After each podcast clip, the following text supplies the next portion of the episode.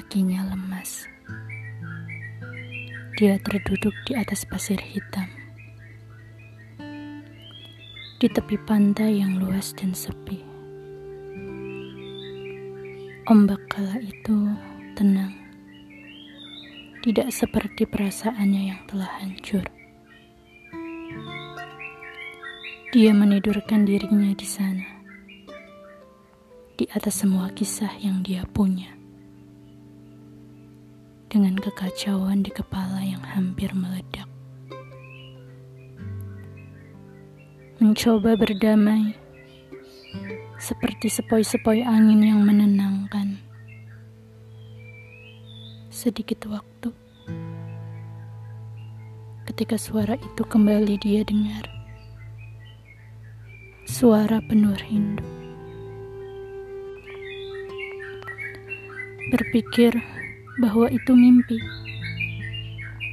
Perlahan matanya mencoba terbuka. Terkejut. Seketika hidupnya seperti kembali. Saat menelusuk ke dalam bola matanya. Mencoba logis dan teralih ke dunia nyata. Hancur langsung berkeping tanpa sisa ketika ada mata lain yang begitu lentik. Sadar.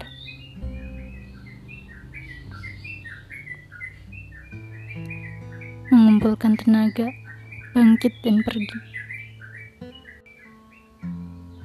Tidak bisa berkata. Ingin menangis. Sudah tidak ada yang terselamatkan kecuali dirinya sendiri meninggalkan kehidupan yang indah itu dengan kebingungan mereka.